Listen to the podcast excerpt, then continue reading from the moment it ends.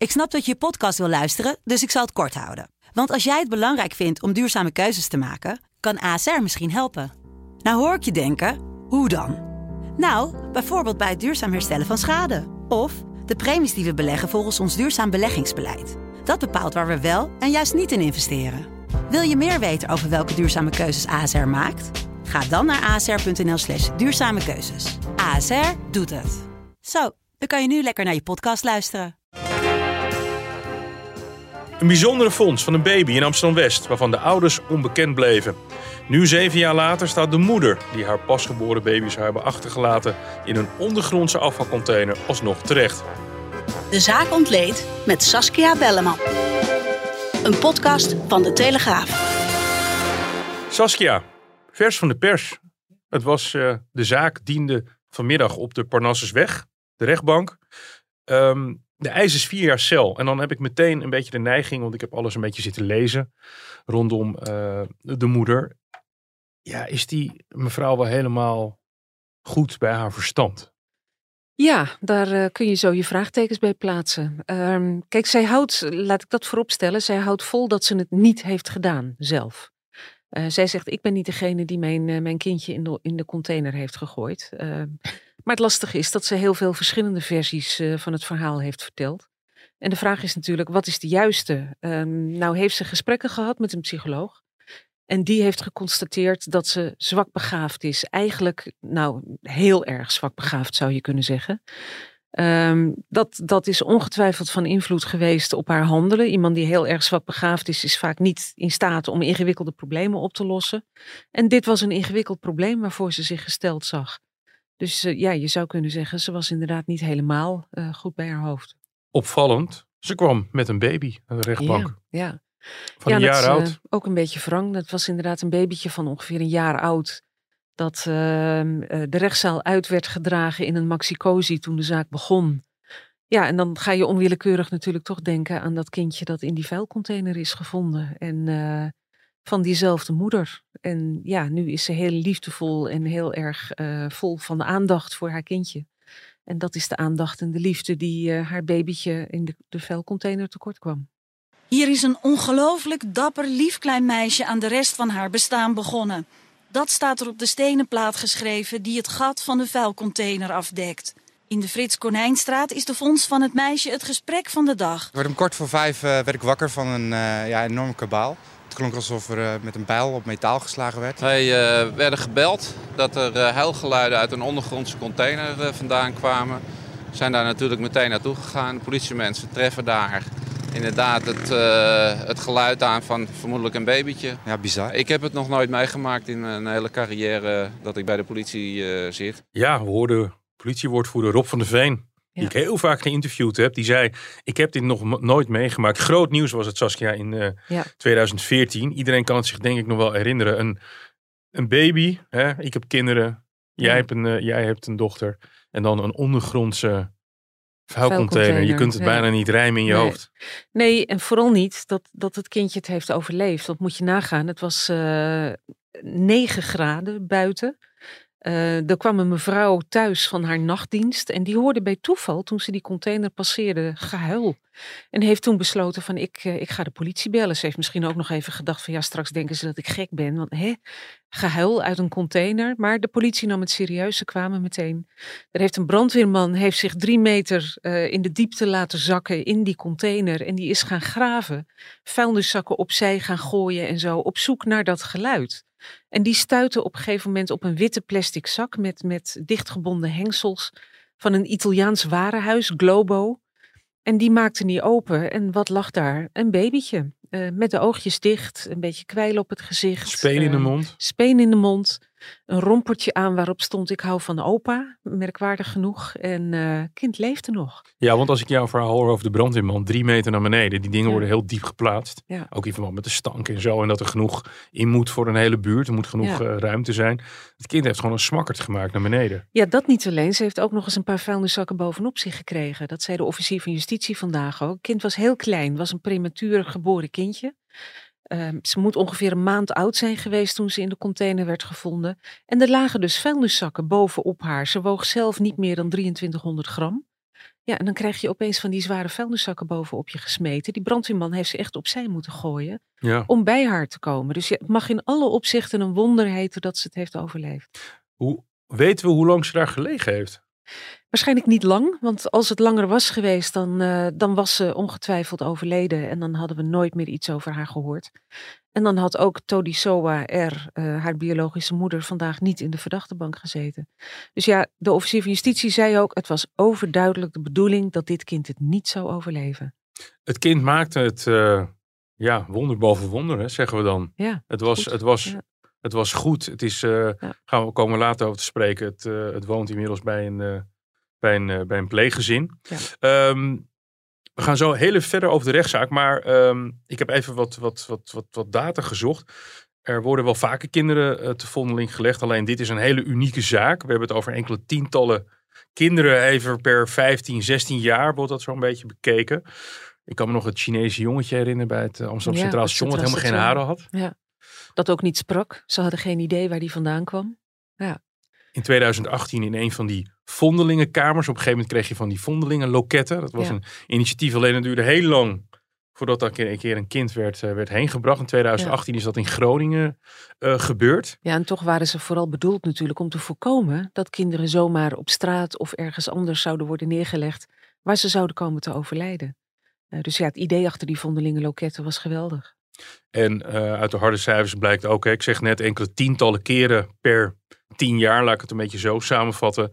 Maar wat er vaker wordt gevonden zijn overleden baby's. Ja. Ehm, wat de reden dan ook mogen zijn. Maar gelukkig in dit geval ehm, heeft de baby het overleefd. En daar gaan we over doorpraten. Die doorbraak heeft heel lang geduurd. En dan gaan we even luisteren naar het eh, Openbaar Ministerie. Die plastic zak, daarop zat een vingerafdruk. En die vingerafdruk is in de databank gegaan, de internationale databank. En dat heeft onlangs, in april, heeft dat tot een hit geleid. Eh, en dat bleek dat er een vrouw die in Duitsland was aangehouden voor een strafbaar feit... een match had met deze vingerafdruk. Ja, Saskia, ze werd gelukkig aangehouden voor een strafbaar feit. Ja, Anders had ze anders wellicht ze helemaal niet nooit in. gevonden. Nee. Nee. nee, het was zo dat ze die vingerafdruk op die plastic zak wel hadden. Maar ja, als jouw DNA niet in die internationale databank zit, dan komen ze je nooit op het spoor. En het bleek dus dat Todisoa R. zich schuldig had gemaakt aan een winkeldiefstal in Duitsland. Daarvoor heeft ze vervolgens haar DNA moeten afstaan. En ja, weet je, dan is het ook nog zo dat eh, politie ook het initiatief moet nemen om dat om de zoveel tijd eens even te checken. Want ze hadden het natuurlijk al gedaan. Ja. Ze kwam niet in die databank voor. En opeens een aantal jaren later, in 2021, was er een hit. En dat hadden ze natuurlijk nooit kunnen voorspellen. Maar het is toch echt dankzij eh, de vasthoudendheid van eh, de zedenpolitie in Amsterdam. Ehm, dat ze haar toch op het spoor zijn gekomen. Ja, want dat, wat wij wel eens denken, en ik, ik weet ook niet of jij die processen precies kent, hoe de politie te werk gaat. Maar we denken van, oh, dat, dat, stop je in een computer en dan gaat de Ja. software, die gaat pling, we hebben een match. Nee, dat moet je actief doen. Ja, als je te vaak kijkt naar Amerikaanse series zoals CSI, hè, dan hoef je alleen maar gewoon wat informatie in een, in een apparaat te stoppen en pop, daar komt eh, de uitkomst eh, of de uitslag eruit. Nou, zo simpel gaat het dus niet in de praktijk. Het is echt heel wat, eh, wat intensiever monnikenwerk, zal ik het maar noemen. Ja. Ja, en ze hebben, ik denk dat deze zaak ook zoveel indruk op ze heeft gemaakt. Er waren ook agenten van de zedenpolitie vandaag bij de zaak aanwezig. Eh, ik denk dat deze zaak zoveel impact op ze heeft gehad eh, dat ze het niet wilden opgeven. Dat ze toch hebben gedacht, we moeten en we zullen haar vinden. En daardoor hadden ze de moeder van het meisje. En eh, het bleek al snel dat een zus van haar woonde in de buurt Ja. van die ondergrondse container. Ja. Daar in Amsterdam-West. Ja, de gedachte was dus, misschien was ze onderweg naar, naar haar zus. Ehm, ze kwam vanaf station Sloterdijk, is gaan lopen, zegt ze zelf. En ja, er, er zijn verschillende versies die, van het verhaal die ze heeft opgehangen. Maar één van de versies is dat ze vanaf station Sloterdijk is gaan lopen en dat ze eh, zich realiseerde dat haar kindje dood was.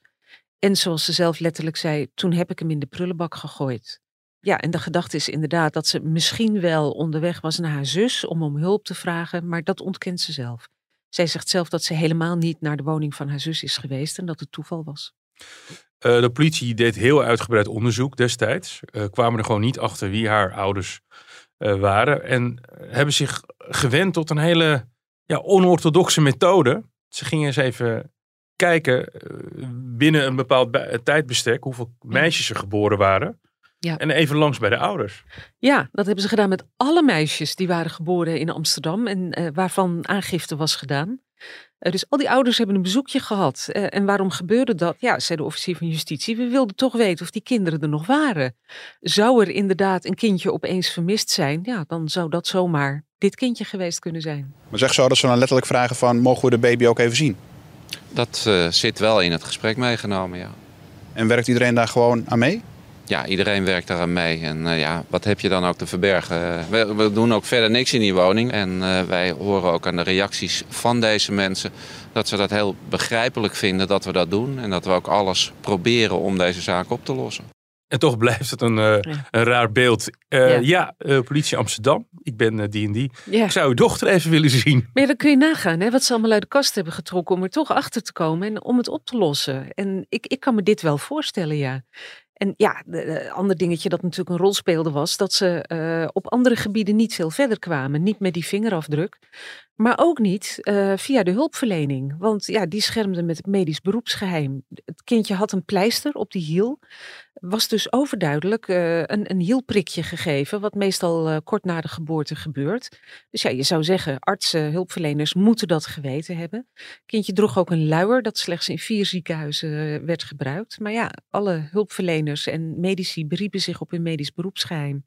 En daar kwam dus de politie totaal niet verder mee. En dat is knap frustrerend. Dus ik snap wel dat ze deze stap hebben gezet. Ja, het medisch beroepsgeheim zorgt vaak voor irritatie hè, bij opsporingsdiensten.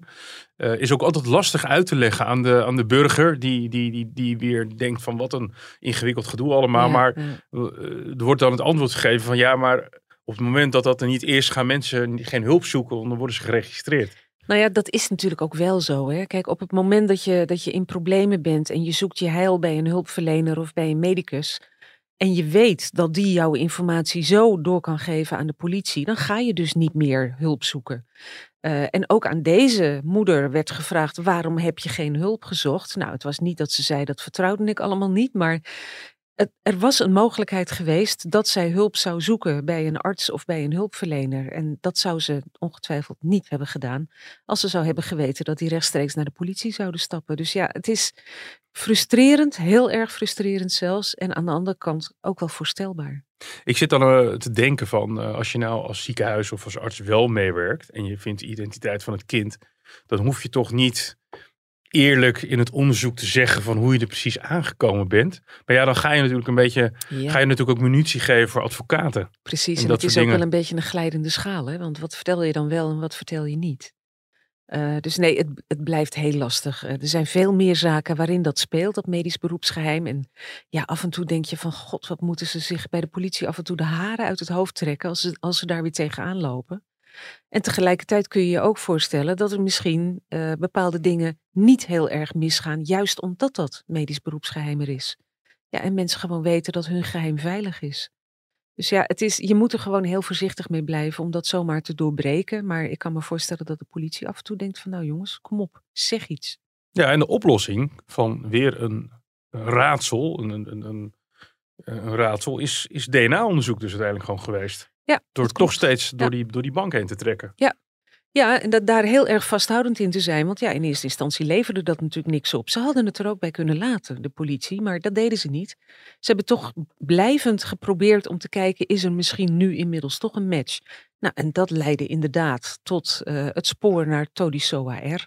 Ja, en toen begon eigenlijk uh, de soap pas echt, zou je bijna zeggen. Het is een beetje het verkeerde woord in dit geval. Maar ja, deze moeder heeft zo vreselijk veel verschillende verhalen opgehangen dat het Openbaar Ministerie daar op een gegeven moment ook in verstrikt raakte. En iedereen zich eigenlijk tot op dit moment afvraagt: wat is nou het echte verhaal?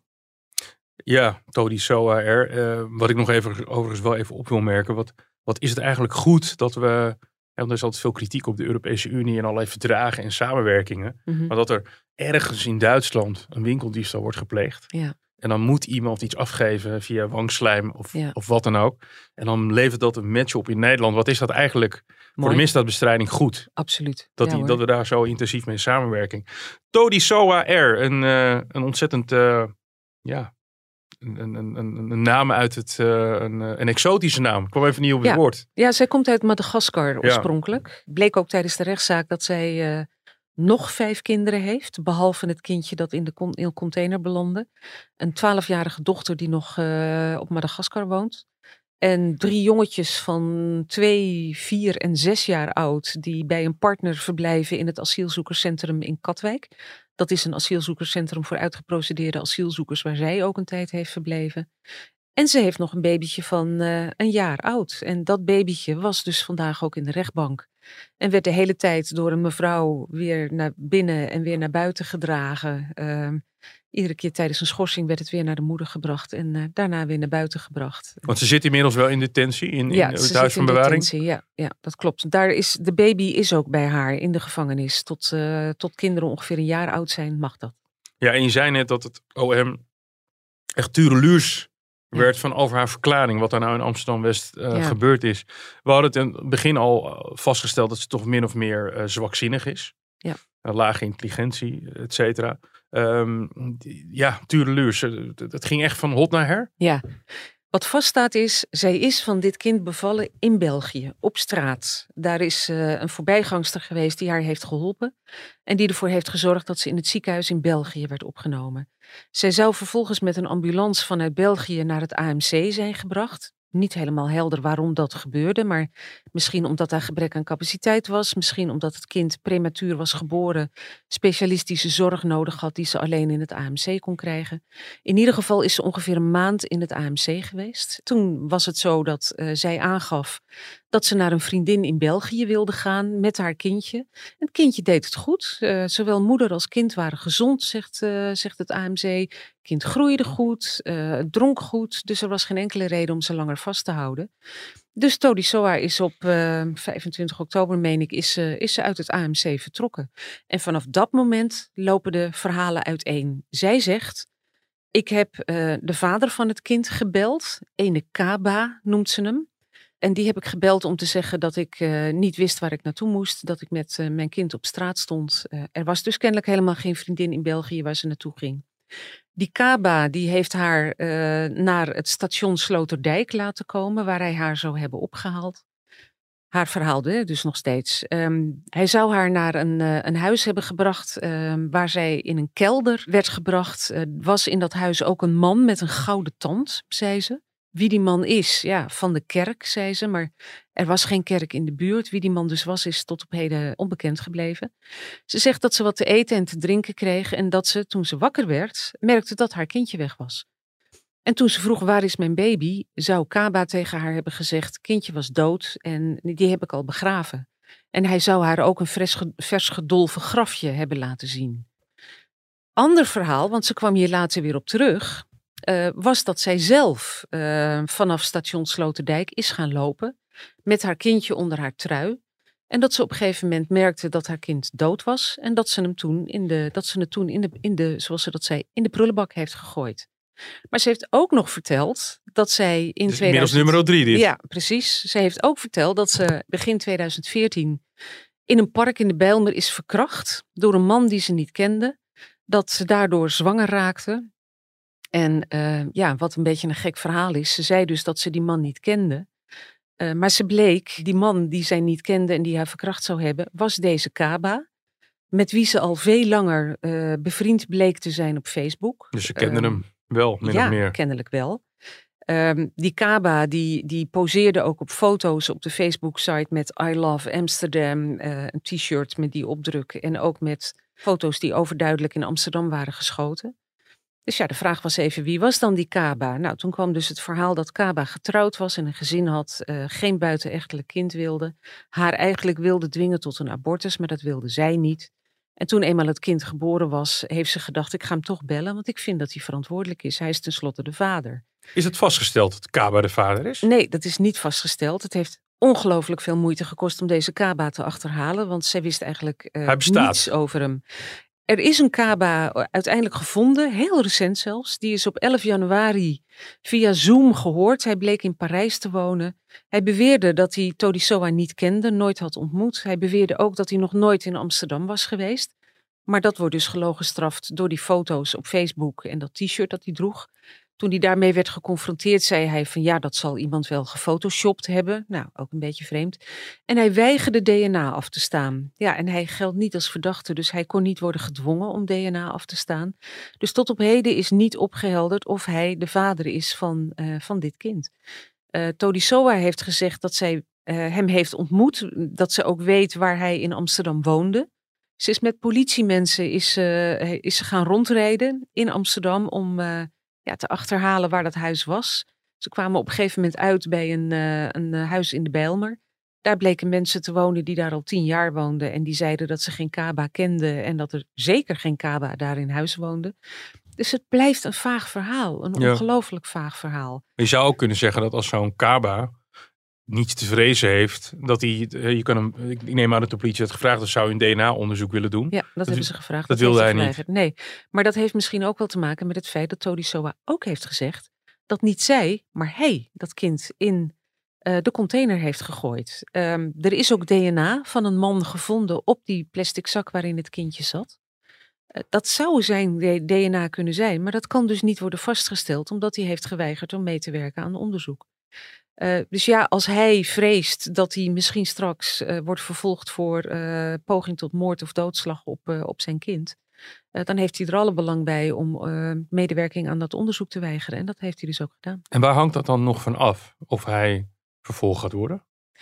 Ja, eigenlijk wordt hij niet vervolgd omdat het Openbaar Ministerie ervan overtuigd is uh, dat Todi Soa alles aan elkaar ligt en uh, gewoon de moeder van het kind is, dat staat vast. En ook dat zij het kind in de container heeft gegooid. En de officier van justitie zei tijdens de zaak, ik kan me niet aan de indruk onttrekken dat de kinderen voor haar instrumenteel zijn om een verblijfsvergunning te krijgen. Uh, hij zegt het is nu. Dat is het grotere motief. Dat is het motief dat erachter zou zitten. Zij zei ook zelf dat ze vreesde dat ze zou worden uitgezet. Nou, die kans is groot. Um, ze is uitgezet of overgeleverd door Duitsland aan Nederland om terecht te staan. Maar ze zat dus in Duitsland. Zij zal dus na het uitzitten van een eventuele straf weer worden uitgeleverd aan Duitsland. Duitsland zal, zal, haar ongetwijfeld uitzetten naar Madagaskar, waar ze vandaan komt. En dat vreest ze. Zij zegt: Mijn kinderen zijn in Nederland geboren. Ik wil dat ze hier naar school kunnen gaan, dat ze hier kunnen opgroeien. Uh, en ik wil dat we hier kunnen blijven. Zij wil een verblijfsvergunning hebben. Wat voor taal sprak ze eigenlijk, Saskia? Ja, heel gebroken Nederlands. Uh, was en verder Frans. Er was ook een Franse tolk bij die uh, op momenten dat ze er zelf niet meer uitkwam of dingen niet verstond, haar behulpzaam was. Maar ja, ze spreekt wel enigszins Nederlands. Ze heeft het grootste deel van de tijd zelf het woord gevoerd. Ze was slecht verstaanbaar hoor. Het was echt ja, een beetje met hakkelen en stoten, gebroken Nederlands. Af en toe moest ze erg huilen, dan kwam ze er ook niet helemaal uit. Dan was ze nog slechter verstaanbaar. Dus dat was, dat was ingewikkeld. Heb jij, behalve dat we net zeiden dat ze toch, toch niet helemaal uh, bij, de, bij de pink is, hè, zwakzinnig, wat, wat voor indruk gaf ze jou? Ja, die emoties die kwamen wel oprecht over. Maar toen wij op een gegeven moment hoorden dat de officier van justitie zei, ze is zeven keer eerder gehoord. En in al die zeven verhoren heeft ze nooit enige emotie laten zien. Nooit. Alleen nu, tijdens de rechtszaak. Dus ja, het is overduidelijk dat de officier niet gelooft in de oprechtheid van die emoties. En ook zegt van ja, die, die kinderen die zijn voor haar instrumenteel. Zij probeert gewoon via die kinderen aan een verblijfsvergunning te komen. En dat, uh, ja, dat is een indruk die hij overduidelijk heeft. En hij zegt, voor mij staat vast, zij heeft dat kind in die container gegooid. En ja, dat kind zou het uh, niet hebben overleefd als het niet op tijd was opgemerkt. Ja, iets wat mij opeens te binnen schiet. Uh, hoe, hoe, kunnen we ons ervan vergewissen dat ze dit niet eerder heeft gedaan? Met, met misschien wel een ander kind. Want ze is vrij productief met het krijgen van kinderen. Nu ook weer eentje van één jaar oud. Ja. Is, zij, is zij überhaupt niet een, een, een, een gevaar om, om kinderen bij zich in de buurt te hebben? Want heeft ze iets gezegd over. Ons heeft iets gezegd van ja, het kind was overleden. Ja. En dat heeft die Kaba dan ooit ook gezegd. Ja. Waar, waarom, waarom wilde ze van dit kind af? Ja, dat is een goede vraag. Zij vertelde dus zelf dat ze in paniek was, dat ze niet wist wat ze moest doen, omdat ze geen dak boven haar hoofd had, omdat ze geen hulp kreeg. Wat op zich weer een gek verhaal is, omdat twee zussen en een broer, halfzussen en een halfbroer, alle drie in Nederland wonen. Ze heeft zelfs enige tijd bij een van die halfzussen in huis gewoond. Dus ja, je vraagt je af, hoezo geen hulp? Had je dan niet voor hulp kunnen aankloppen bij die zussen of bij die broer? Nou, dat is, dat is ook aan haar gevraagd. En ja, toen heeft ze toch gezegd dat ze, uh, ze zat met schaamte. Um, ze durfde het verhaal niet te vertellen. Um, Het, het, was een beetje een vaag verhaal waar ze mee kwam. Maar dat kwam erop neer dat zij zelf het gevoel had dat ze aan niemand hulp kon vragen. Ja, en of dat nou onder invloed van haar zwakbegaafdheid was, eh, dat ze daadwerkelijk dacht dat ze geen hulp kon krijgen. Of dat het iets anders was, is niet duidelijk. Maar je zou zeggen, ze was in het ziekenhuis. Ze had natuurlijk ook daar hulp kunnen vragen. Uh, maar daar heeft ze het verhaal opgehangen dat ze naar een vriendin in België zou gaan, wat ze vervolgens niet deed. Ja, waarom deed ze dat? Raadsels. Er zijn dus heel veel vragen overgebleven. Het meisje moet nu zeven, acht jaar Zeven. oud, zeven jaar oud zijn. Ja. Wat weten we nu over haar? Niet heel veel en dat is maar goed ook. Ze moet gewoon ongestoord kunnen opgroeien en niet voortdurend worden geconfronteerd met dit verhaal. Uh, maar ze is geadopteerd, hebben we begrepen. Dat is tijdens een vorige zitting al gezegd en ze maakt het goed. Um, ja, het is uh, wel zo dat de officier van justitie uh, nog opmerkte dat het niet is uitgesloten dat zij natuurlijk in de toekomst echt wel last gaat krijgen van psychische problemen. als ze weet ehm, wat haar is overkomen en dat ze in feite gewoon als oud vuil is gedumpt. Ja, is er ook nog iets familierechtelijk gezien? Is elke kans dat zij nog moeder wordt van het, van, van het meisje is helemaal, dat is helemaal over. Dat, dat is allemaal... Lijkt mij uitgesloten. Ja, ja. ik denk niet dat dat gebeurt. Um, tegelijkertijd kun je je natuurlijk afvragen, lopen die andere kinderen dan geen gevaar?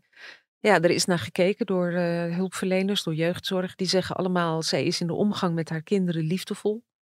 Uh, vol aandacht. Um, die zien geen aanleiding om te vrezen voor, uh, voor herhaling. Dat maakt het raadsel eigenlijk alleen maar dat groter. Dat maakt het raadsel alleen maar groter. Ja, want waarom hè, dit kind weggooien en waarom liefdevol zijn voor die anderen? Kennelijk is, ik denk ook dat het misschien afhankelijk is van het hebben van een relatie. Zij heeft nu een andere partner uh, waar ze ook kinderen mee heeft gekregen. die partner zorgt op dit moment ook voor haar drie kleine zoontjes. Uh, misschien dat dat het is. Dat ze heeft gedacht dat ze niemand had om, uh, om op terug te vallen. En dat ze zich geen raad wist. En om die reden geen andere uitweg zag. Dit was de eis hè, van het Openbaar ja. Ministerie. Ehm, vier jaar? Vier jaar. Vier jaar celstraf. Ja. onvoorwaardelijk. Ja, voor poging doodslag. Ja, ja er, er, was, er is nog even aandacht besteed aan het feit dat ehm, normaal gesproken voor poging kindermoord of doodslag. ehm, daar worden lichtere straffen voor opgelegd omdat een moeder die pas bevallen is en in paniek is en in angst verkeert over ontdekking, ja, misschien toch wel zodanig verminderd toerekeningsvatbaar is dat je dat uh, zo'n vrouw minder uh, zwaar kunt aanrekenen. Door alle hormonale. Precies, maar daar was volgens processen. de officier in dit geval geen sprake van. De advocaten, wat zeggen die? Ja, de advocaat van uh, Todisoa R zegt. Uh, het is niet uitgesloten dat die Kaba wel degelijk degene is die het kindje in de ondergrondse container heeft gedumpt. Uh, en die zegt van ja, er zijn zoveel twijfels over de vraag wie het nou precies gedaan heeft. Zij kan niet veroordeeld worden en die vroeg om vrijspraak. Hoe kijk je naar de zaak afrondend qua. Um, hè, er zijn nog best wel veel vraagtekens. Ja. Het, is, het lijkt erop als dat als de rechter meegaat in een veroordeling, dat de zaak eigenlijk nog niet helemaal is opgelost. Voor mijn gevoel is hij dat niet. Nou Nee. hebben wij natuurlijk niet zicht op het volledige dossier en op alles wat eraan vooraf is gegaan. Dus daar moeten we ons altijd wel van bewust zijn. Ja, ik denk dat eh, als de rechters zelf ook het idee hebben van dit is wat ons betreft onvoldoende aangetoond. We, we, er moet ofwel nader onderzoek worden gedaan of eh, we zien gewoon onvoldoende hard bewijs dat Todisoa R dit zelf heeft gedaan. Ja, dan zullen ze haar niet veroordelen. En dat eh, gaan we op 10 februari horen. 10 februari horen we het. Dan blijft alleen bij mij hangen een, een, een ellendig leven. Ik hoor asielzoekerscentra. Ja. Hier kinderen. Ja. ehm, daar Zegt- kinderen. Ja, winkeldiefstal in Duitsland. Die doe je ook niet omdat je Nee. waarschijnlijk genoeg inkomsten hebt. Het is in ieder geval. Het is eigenlijk een heel treurig verhaal. Het is een super treurig verhaal. Er is hier toch sprake van een vrouw die eh, ja, alle tegenslag die je maar kunt bedenken heeft gehad in het leven. En alle pogingen doet die, eh, die mogelijk zijn om een goed leven op te bouwen in Europa. Maar ze komt nou eenmaal niet in aanmerking voor een verblijfsvergunning. En ik denk dat ze heeft gehoopt misschien dat via haar kinderen toch te kunnen krijgen, omdat die in Nederland geboren zijn. Die kans die, eh, is vrij klein volgens het Openbaar Ministerie. Maar het blijft een treurig verhaal, want dat zei ze zelf ook. Als ik terugga naar Madagaskar, ik heb daar geen huis, ik heb daar geen werk. eh, waar moeten we van leven? En ja, haar kinderen komen niet uit Madagaskar, spreken de taal vermoedelijk ook niet. Eh, dus ja, hoe dat verder gaat, ik hou mijn hart vast. Saskia Belleman, dankjewel. Graag gedaan. Dit was eh, de zaak ontleed. Vindt u dit een leuke podcast? Laat dan een eh, recensie achter. Afhankelijk van het platform waar u dit op luistert. Mijn naam is Wilson Boldewijn. Dank voor het luisteren.